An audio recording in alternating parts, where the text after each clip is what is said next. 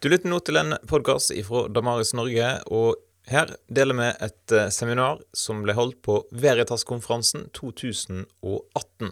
Da er vi klare. Da lyser det rødt, så da er vi live. Direkte fra musikkrommet. Ja, nei, men eh, velkommen alle sammen. Hei og god morgen. Eh, veldig kjekt å være her. Eh, Finn Olav Felipe Jøssang heter jeg.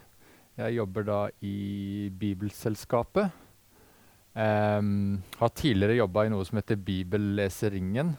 Så nå har jeg gått fra en lesering til et bedre selskap. Så ja. Men jeg er i hvert fall eh, veldig glad i Bibelen. Jobba uh, Jeg har alltid vært veldig engasjert for Bibelen. Og uh, har egentlig nå en drømmejobb.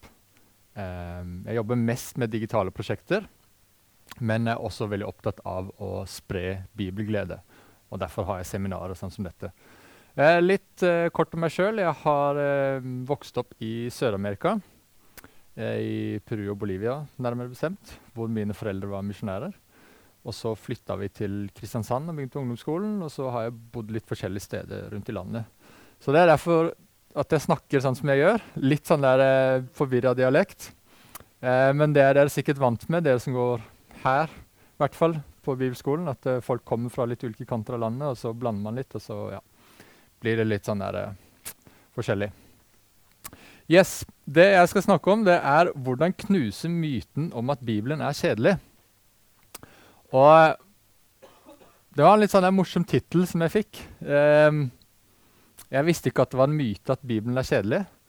Jeg visste at det var en myte at Bibelen er en eventyrfortelling.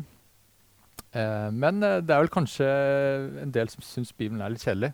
Og kanskje har vi kristne gjort en god jobb for å gjøre Bibelen kjedelig. Eh, I hvert fall har det vært litt av min erfaring i ulike epoker av livet mitt. Så jeg tenkte jeg skulle begynne å dele litt om min erfaring med Bibelen helt fra jeg var liten og fram til i dag. For når jeg vokste opp og gikk på søndagsskolen, så lærte jeg en sang som gikk sånn her. Vår Gud er så stor, så sterk og så mektig. Fins ingenting han ikke kan. Det er vel flere av dere som kanskje har lært den? Ja? En klassisk barnesang. Veldig bra barnesang, syns jeg. Og når jeg tenker etter, så var det på en måte det, det gudsbildet jeg hadde helt fra jeg var bitte liten, at Gud var stor og sterk og mektig. ikke sant? Når du er liten, så er det jo ingenting som er så kult som noen som er sterke, og vi krangler om, om at min pappa er sterkere enn din. Um, og det at Gud var stor og sterk, det, det syns jeg var skikkelig kult. Og jeg syns det var så gøy å, å um, lære og høre om de bibelhistoriene om Gud som delte, delte Sivsjøen, og israelsfolket gikk gjennom der. Eller om David som slo Goliat. Lille David, gjetergutten David, som bar med én slynge og, og sant, slang stein, og så felte kjempen Goliat. Um, og også når Jesus uh, stilte stormen. ikke sant? Sånne vanvittige historier om en Gud som er så stor, så sterk og så mektig, og som ingenting var umulig for. Og det, det forma gudsbildet mitt. Um, og, men etter hvert så, sant, så ble jeg eldre. Um, og jeg gikk uh, sant, mer på søndagsskolen. Og siden jeg vokste opp i Peru, så hadde vi både Altså, jeg fikk liksom litt dobbelt opp. Um, først var det uh, søndagsskolen i den peruanske menigheten, der jeg fikk alle disse historiene på spansk. Og så i midtuka så hadde vi norske eller Vi hadde en sånn egen sånn barnegruppe da, for oss norske misjonærbarn. Så da fikk jeg, da fikk jeg søndagsskolene på repeat da, igjen der på norsk. Så jeg fikk veldig sånn dobbelt opp, og etter hvert så gikk jeg nok litt lei. Typisk da, I dag skal vi ha om Daniel i Løvehullen. Å, jeg har hørt det før. ikke sant? Og det er litt sånn Ja. Um, og så, da når jeg begynte på ungdomsskolen eh, i Kristiansand så, eh, så, gikk jeg på en ungdomsklubb der. Og da var det de fire b-er som gjaldt. Da var det boller, brus, bordtennis og bitte litt Bibel. Så det, det er de klassiske fire b-er på enhver ungdomsklubb, tror jeg. Eh, I hvert fall var det det på den ungdomsklubben jeg var. Um, og det var, det var, kjekt å være der. Eh, det var ikke det. Um, det var kanskje flest jenter der, så det var litt kjedelig sånn sett. da, Men det var liksom god stemning og sånt. Men akkurat når det gjaldt Bibelen, så var det forsvinnende lite.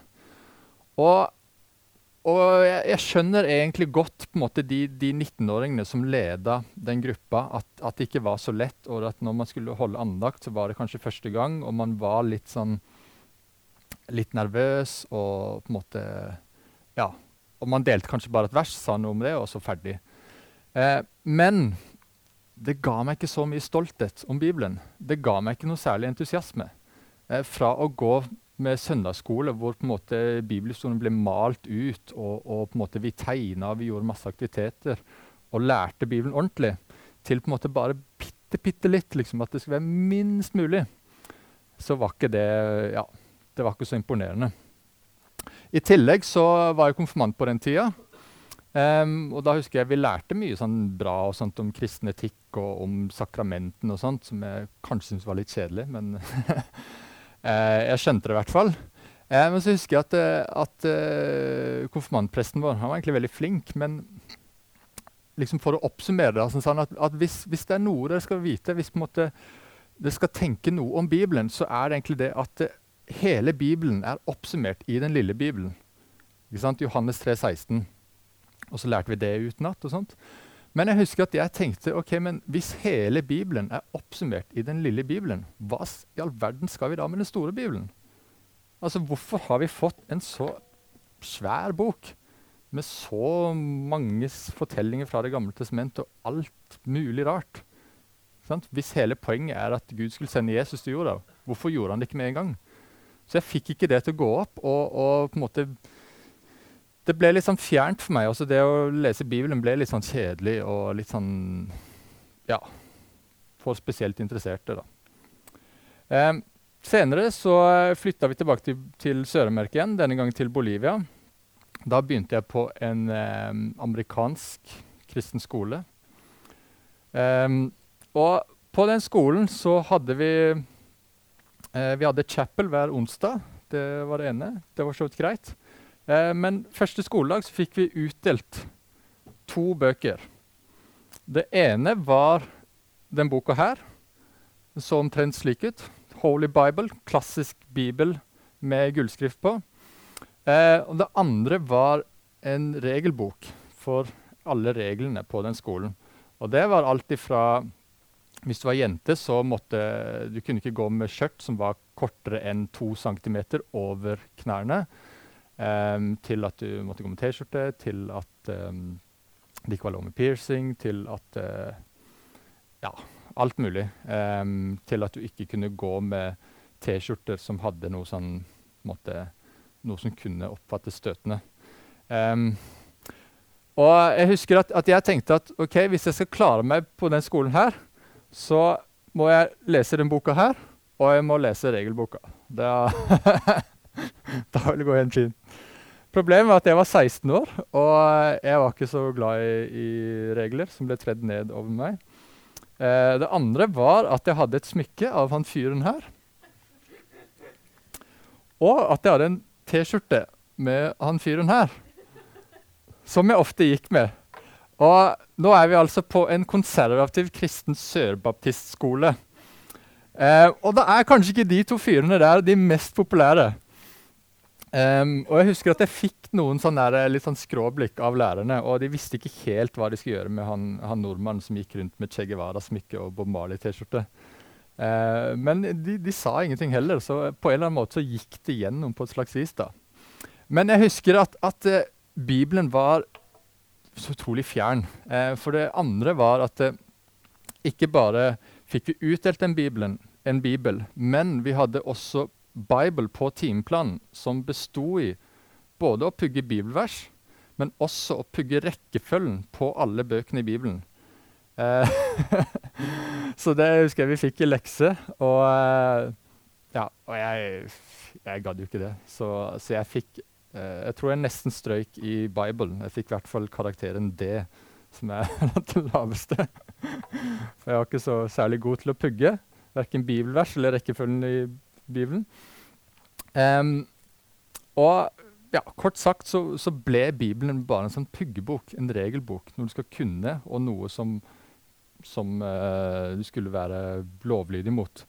Uh, I tillegg så På hver eneste side i de kladdebøkene vi fikk utdelt, så var det et bibelvers nederst. Så jeg kunne ikke gjøre en matteleks engang uten at Bibelen bare hoppa på meg. og ja. Så det var deres måte å på en måte få oss inn i Bibelen, som dessverre gikk skikkelig dårlig. Og uh, nesten alle av oss uh, fikk et veldig anstrengt uh, forhold til Bibelen. Og dessverre så er mange av de som jeg gikk i klasse med der, er ikke kristne i dag. Dessverre. Så det er kanskje et prakteksempel på hvordan å gjøre Bibelen kjedelig og livsfjern, og få folk til å ta avstand fra den. Men heldigvis um, Sommeren etterpå så flytta jeg tilbake til Norge. Eh, da var jeg med på en ungdomsfestival som eh, heter Ungdommens landsmøte, UL. Eh, som den gang var på Stord. Er noen fra Stord her? Ja? Veldig fin plass. Eh, ja. Så der var jeg. Egentlig mest bare for å treffe venner. Eh, men så var det et, et, møte der hvor det var en, en eldre misjonær som, eh, som, talte. Og jeg, jeg, hadde litt sånn der åh, liksom En eldre misjonær, det har jeg liksom hørt tusen ganger før. Og eh, snakka rogalandsdialekt. Hvor mange misjonærer snakker ikke rogalandsdialekt? Og, og, alle fordommene mine bare var, var liksom tjukt utenpå. Men jeg husker at det han delte, for han delte egentlig bare livshistorien min, livshistorien sin.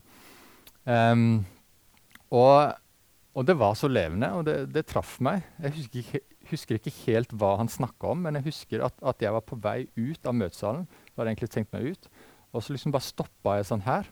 Og så kikka jeg på scenen, og så sto jeg liksom sånn i flere minutter. Og jeg, jeg klarte ikke å komme ut, for jeg måtte bare høre ferdig det han talte om. Um, og, og, den kvelden så tok jeg et bevisst valg om å følge Jesus for min egen del. Um, Fram til da så hadde det nok vært litt sånn at jeg følte at det var forventa meg. Jeg hadde en tro på Gud, jeg trodde på Jesus, eh, men det var ikke personlig for meg. Eh, men den kvelden husker jeg at det helt sånn enkelt at jeg sa Jesus, jeg vil følge deg. Eh, ikke fordi alle andre gjør det, men fordi jeg vil følge deg. og det snudde opp ned eh, på verden min, og det snudde i hvert fall opp ned på mitt forhold til Bibelen. For da så fikk jeg plutselig lyst til å lese Bibelen. Um, da husker jeg at jeg leste ett kapittel i Nytelsesmøtet hver kveld. Begynte i Matteus og bare leste gjennom. Um, og da var det som om jeg var tilbake på søndagsskolen. At da liksom hørte alle de spennende historiene om, spennende historiene om Jesus som helbreda mennesker, som gikk på vannet, som metta 5000, og som sa og gjorde så mye genialt. Um, og jeg syns det var så gøy. Jeg, jeg synes det var ja, plutselig liksom, jeg, Alle disse historiene hadde jeg hørt som enkelthistorier, men plutselig så jeg sammenhengen. Og så fikk jeg liksom detaljene utfylt. bare, 'Å ja, å ja Jesus sa det òg. Han gjorde det òg.' Det visste jeg ikke. Og, ja. og det var veldig gøy. Um, Bibelen ble en veldig levende bok for meg. Og det har det egentlig vært sånn mer eller mindre siden. Eh, det hender at, at, jeg får et veldig sånn, studieforhold til Bibelen. Eh, det kan være bra. Eh, jeg er glad i å studere, og jeg er glad i å, å lese bibelkommentarer og fordype meg i, i, studiebibler og alt mulig. Men det er noen ganger at jeg kjenner at jeg, jeg må bare legge vekk blyanten eh, og bare lese Bibelen som en historie. Eh, og la måtte, livet komme fram. Og alle disse episke historiene om eh, om israelittene som gikk gjennom Rødehavet, om David og Goliat, om eh, Daniel i løvehulen og, og, alle disse her. ikke sant?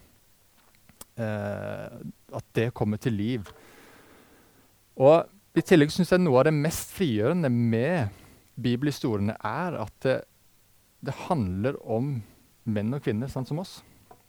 Eh, som ja, de levde i en annen kultur, de levde for lenge siden, men tross alt så var det ikke så forskjellig fra oss. Det er mye vi kan kjenne oss igjen i, i frykten de kjente, i stresset, og at de plutselig sant, gikk på akkord med Guds bud. Og og alt mulig. ikke sant? Men likevel at Gud var trofast, og at uh, Guds nåde viser seg så tydelig gjennom uh, disse menn og kvinner sine liv. Så hvis vi skal sagt da, hva er Bibelen, så er det kanskje noen, eh, ikke sant? mange ikke-kristne og ateister, som vil mene nei, det er bare en samling med religiøse myter. Så er det noen kristne da, som svarer nei, det er en bruksanvisning for livet. Eh, det var kanskje særlig den, den eh, si, instruksjonen jeg fikk når jeg gikk på den amerikanske eh, high schoolen. At det var en bruksanvisning for livet. Du skulle bare kunne det, og det ville gi deg alt du trengte for å leve et godt liv. Eh, det er kanskje noe sant i det, men det er litt sånn haltende, haltende bilde. I tillegg så tror jeg ingen av oss gidder å lese bruksanvisninger. Ikke sant? Snakk om å gjøre Bibelen kjedelig. Og bare, ja, det er en bruksanvisning. OK, greit. så det er noen som sier at Bibelen er et kjærlighetsbrev fra Gud. Og det er kanskje en sånn fin analogi. og Det er mye kjærlighet i Bibelen, og mye som handler om Guds godhet og om Guds kjærlighet til oss. og. Men det blir litt kleint, kanskje særlig for oss gutter. Og det blir i hvert fall problematisk hvis du blar opp tilfeldig i Det gamle testamentet og, og leser om, eh, om krigene når eh, israelittene erobra Kanan, eller hva det måtte være. ikke sant? Bare, OK, kjærlighetsbrev fra Gud? Ja. Hmm. Så Ja. Så jeg tror at det, det, mest meningsfulle å si om Bibelen er at det er historien om Guds frelse. Rett og slett. At det er en sammenhengende historie fra første Mosebok til Johannes' åpenbaring som bare viser hvor stor Gud er. Viser Guds frelsesplan gjennomgående gjennom hele boka. Og Det tror jeg er nøkkelen eh, for at Bibelen skal oppleves engasjerende. Eh, for å såkalt knuse myten om at Bibelen er kjedelig, det er å gå tilbake til disse episke historiene. Og ikke minst det å se sammenhengen. Så jeg har lyst til å slå et slag for at vi må gå tilbake til søndagsskolen. At vi må ha søndagsskolen revisited. Bare tenk over, Når var sist du hørte en bibeltime om livet til Abraham? Eller en taleserie om det? eh, flere søndager på rad. Eller om David som slår Goliat. Når sist hørte du en ordentlig en taleserie over det, som ikke blir formidla som en sånn søndagsskolefortelling som er litt sånn morsom og rar og liksom Ja, kult det, men uh, hva har det å si for mitt liv? Eller om Daniel i Løvehulen. Ikke sant? Om livet til Daniel, som vi fikk en smakebit på her i går. Eh, og som ja, ikke sant? Jeg tror vi alle kanskje bare kjente at eh, det som John Lennox deler, måten han åpner Daniels bok for oss, det var helt fantastisk. Eh, det er bare så dypt og så på en måte relevant inn i vår tid.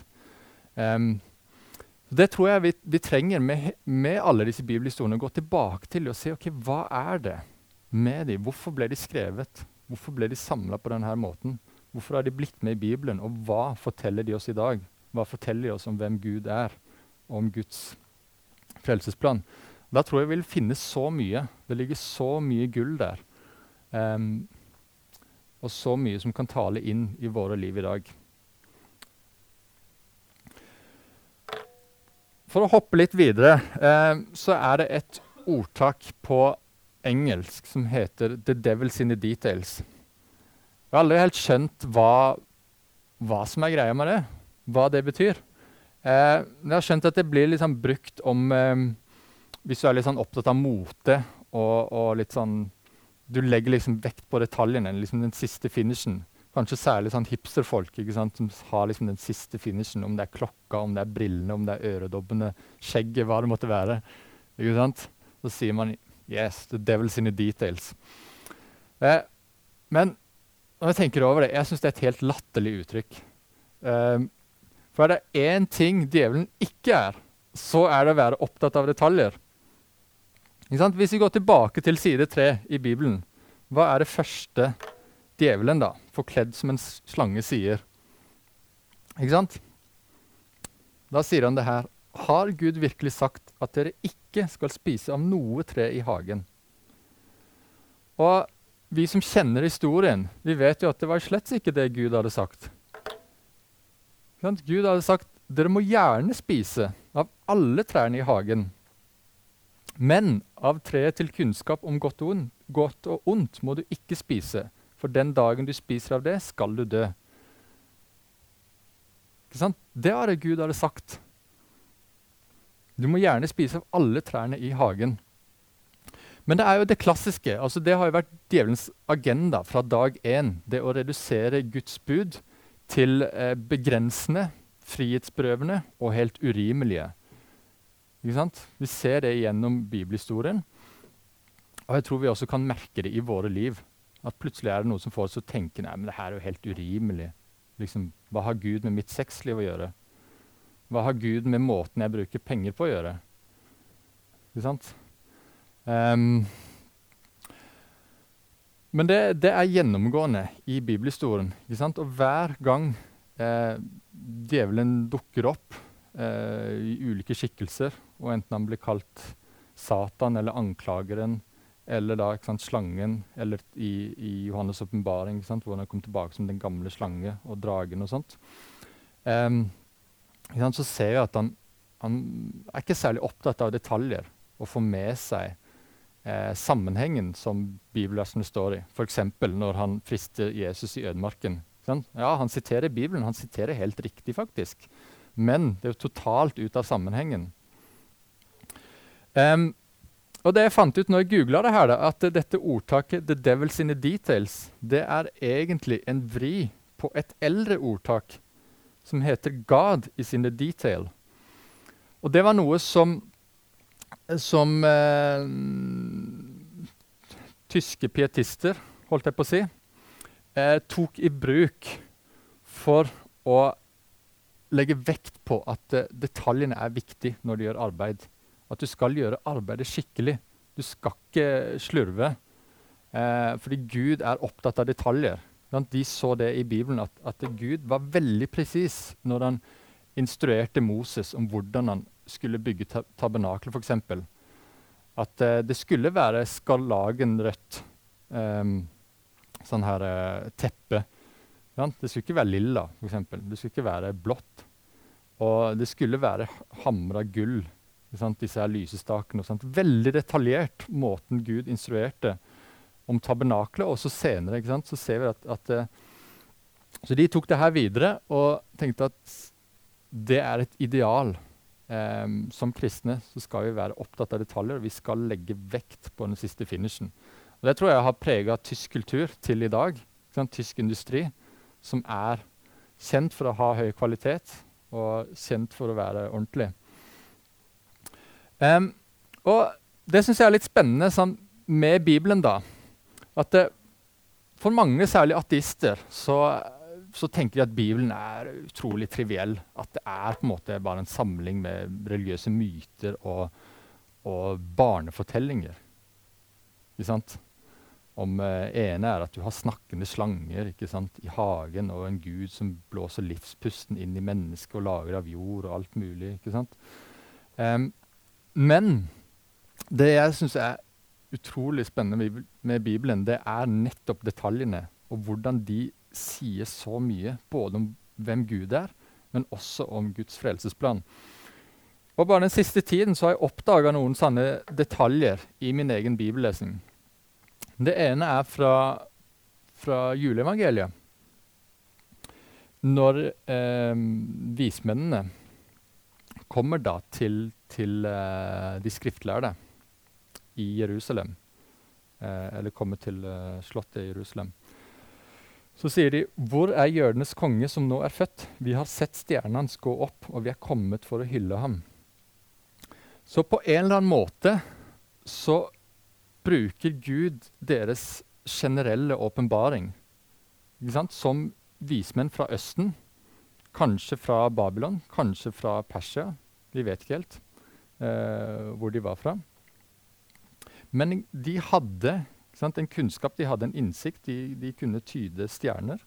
Eh, og så fulgte de dette tegnet til Jerusalem. og så er det da eh, ikke sant, Så sjekker eh, Så er det de skriftlærde da, som blir eh, kontakta og liksom spør ja, hvor er det Messias skal bli født. Og så ser de profeten Mika. Jo, det er i Betlehem, står det. ikke sant? Og så blir de leda videre til Betlehem. Så da er det både det at Gud bruker deres generelle åpenbaring, og så ledes de til en spesiell åpenbaring i Skriften. Sant? Og da helt, helt fram til Jesus.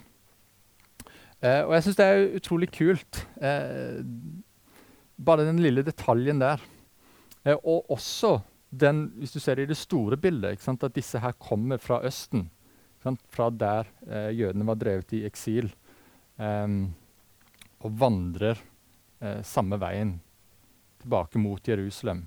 Sant? Møter eh, Messias. Og også alle profetiene om, om, konger som skal hylle Messias. At, at det, er, det, er, så mange lag der i, i bare en sånn fortelling som det her, som for mange i Norge bare har blitt redusert til en sånn koselig julefortelling. ikke sant?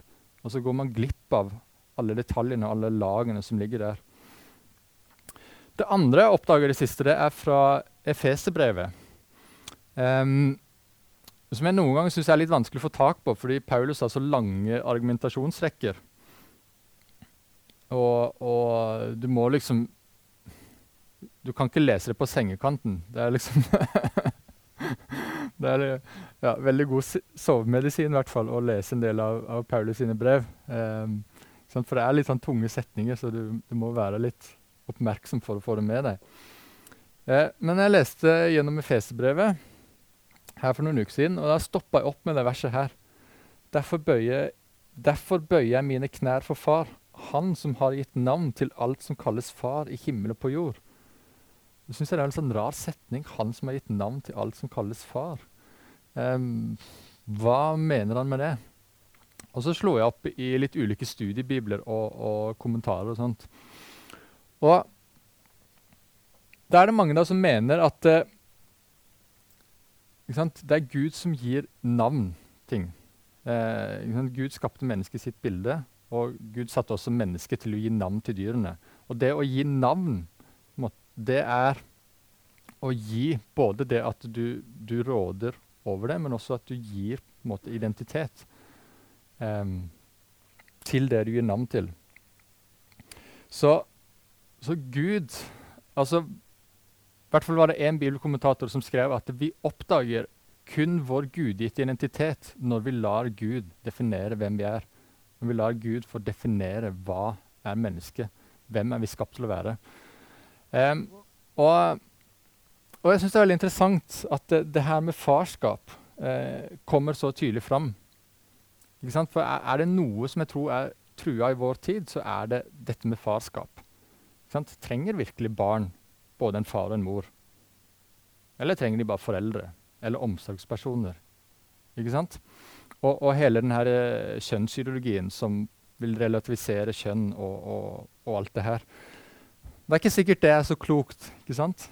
At det, det er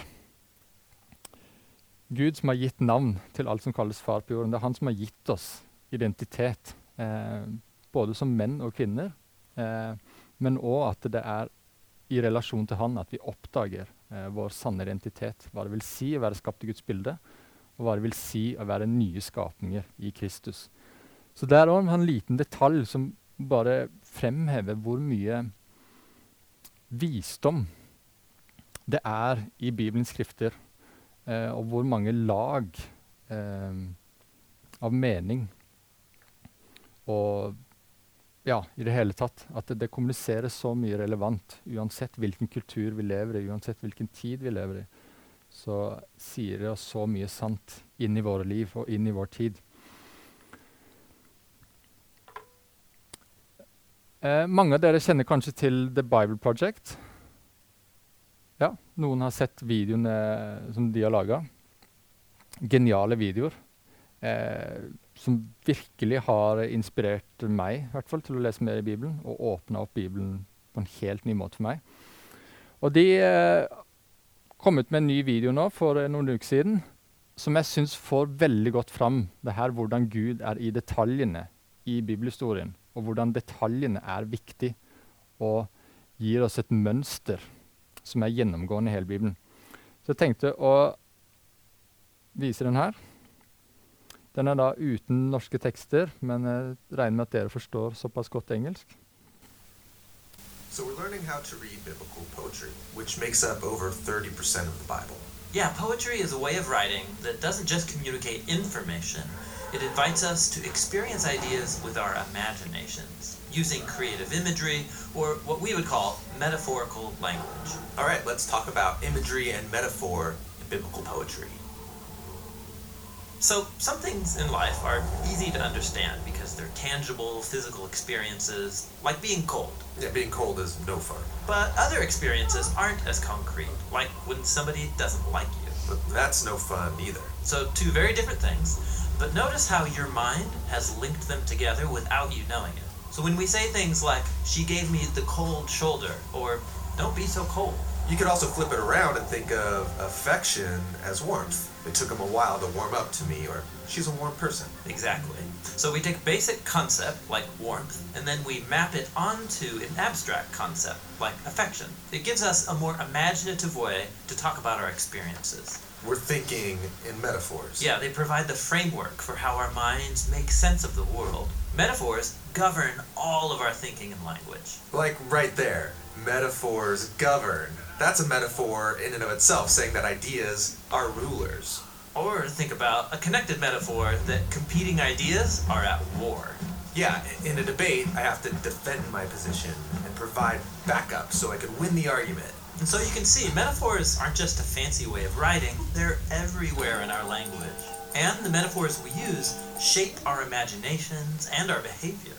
And so it's no surprise that the biblical poets constantly use metaphorical imagery. Now, some metaphors in the Bible are easy to understand, like light is good and darkness bad. But remember, the biblical poets lived in an ancient culture, which means that some of their metaphors might seem kind of strange to us. Like what? Okay, so picture chaotic water like a deep, stormy ocean. Got it. Now, think about a time you were in danger, and then map those two onto each other, and Danger is like chaotic waters. right. And then the biblical authors take it further. They also talk about dangerous people as stormy waters, like in Psalm 69. Save me, O God, for the waters are up to my throat. I've entered the deep waters. My enemies outnumber the hairs of my head. Oh, the enemies are dangerous waves. Yes, and so are enemy nations. Like in Isaiah 17, Woe to the nations that rage like the raging, roaring seas. Or in Psalm 89, O Lord, you rule the swelling seas, you scatter enemies with your mighty arm. So this is a basic metaphor for danger and chaos in our world.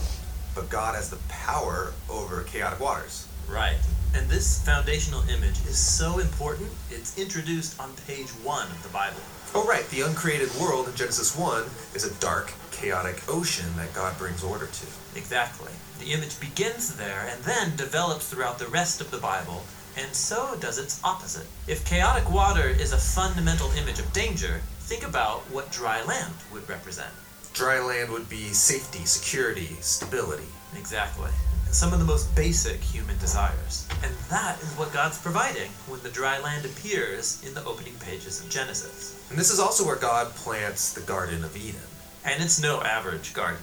It's described with imagery of an ancient temple, high above those dangerous waters. And then from this garden temple flows a river that waters everything. So the human ideal is to be with God in a mountain garden temple. Yes, this image permeates biblical poetry, like when David celebrates God's presence in the temple in Psalm 65. How blessed is the one who's satisfied with goodness in your temple. A stream of God waters the land, you still the roaring of the waves and the turmoil of the nations. Now, watch. Because the temple was associated with being close to God's presence, this high rock could become a metaphor for God Himself.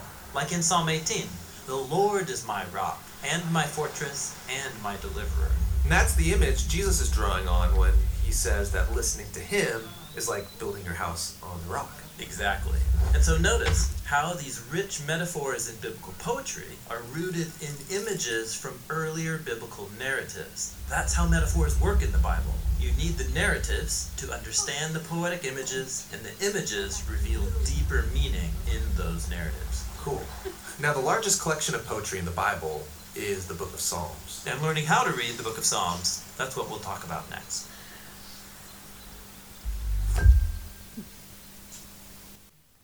Ja.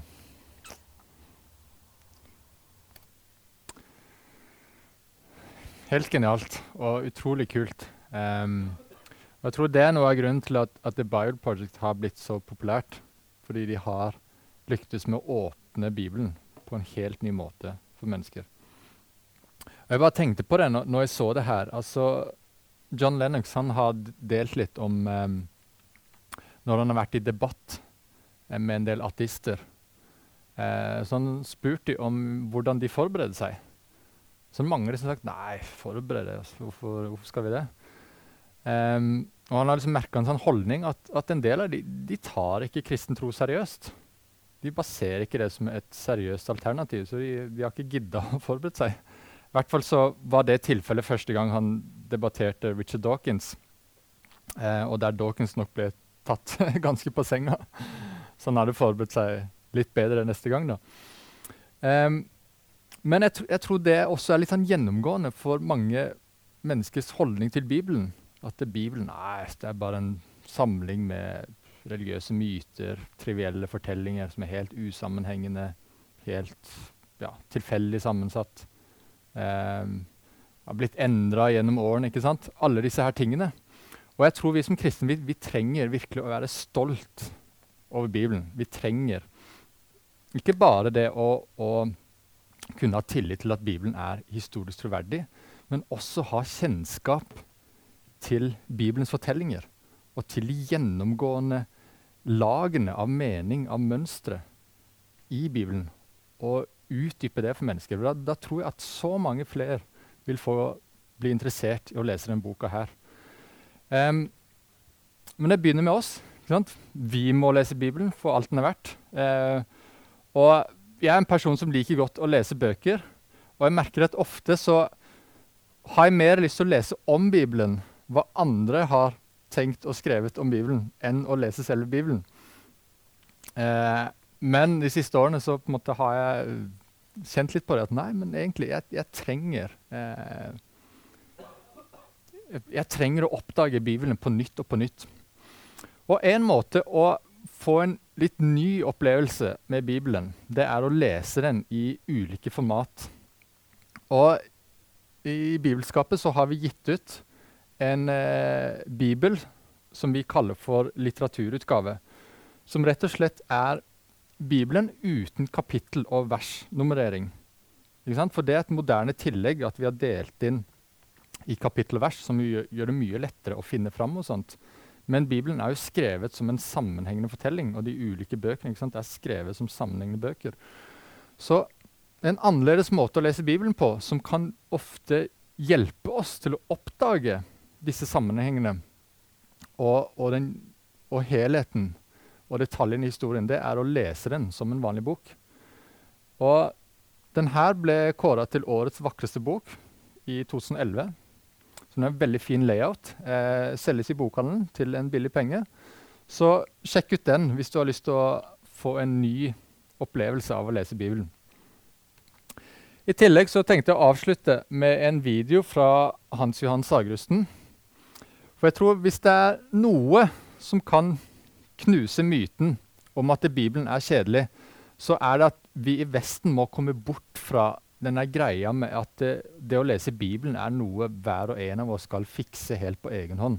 Og det er noe vi skal, vi skal gjøre på sengekanten, eller, eller aller helst så skal det være skikkelig A-menneske å stå opp klokka seks om morgenen og ha din stille tid med Gud før du drar av gårde på studie eller jobb. Ikke sant? Eh, som de færreste av oss klarer.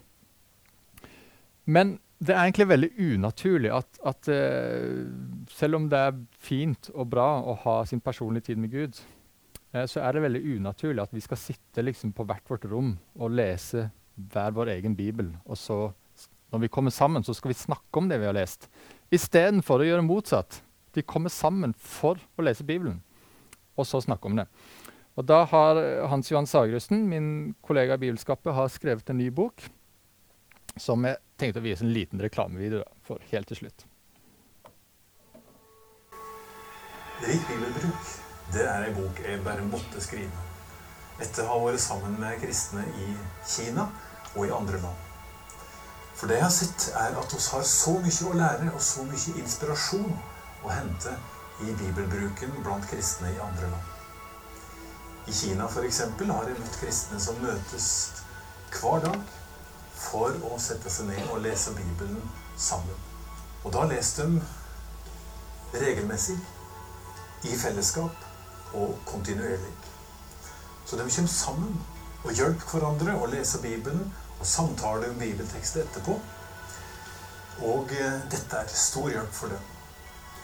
Drømmen min er at oss i Norge òg skal få eh, samlinger der oss møtes med ei hovedsak og lese Bibelen sammen, regelmessig, i fellesskap, kontinuerlig.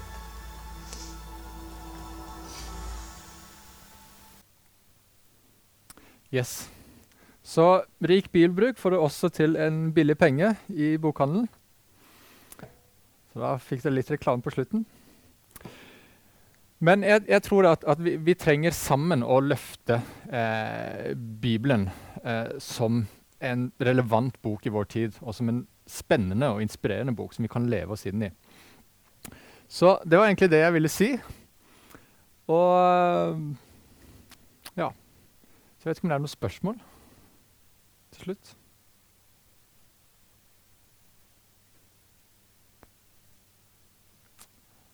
Nei. Men da er det bare å gå ut i sola og kose seg. Så tusen takk for meg.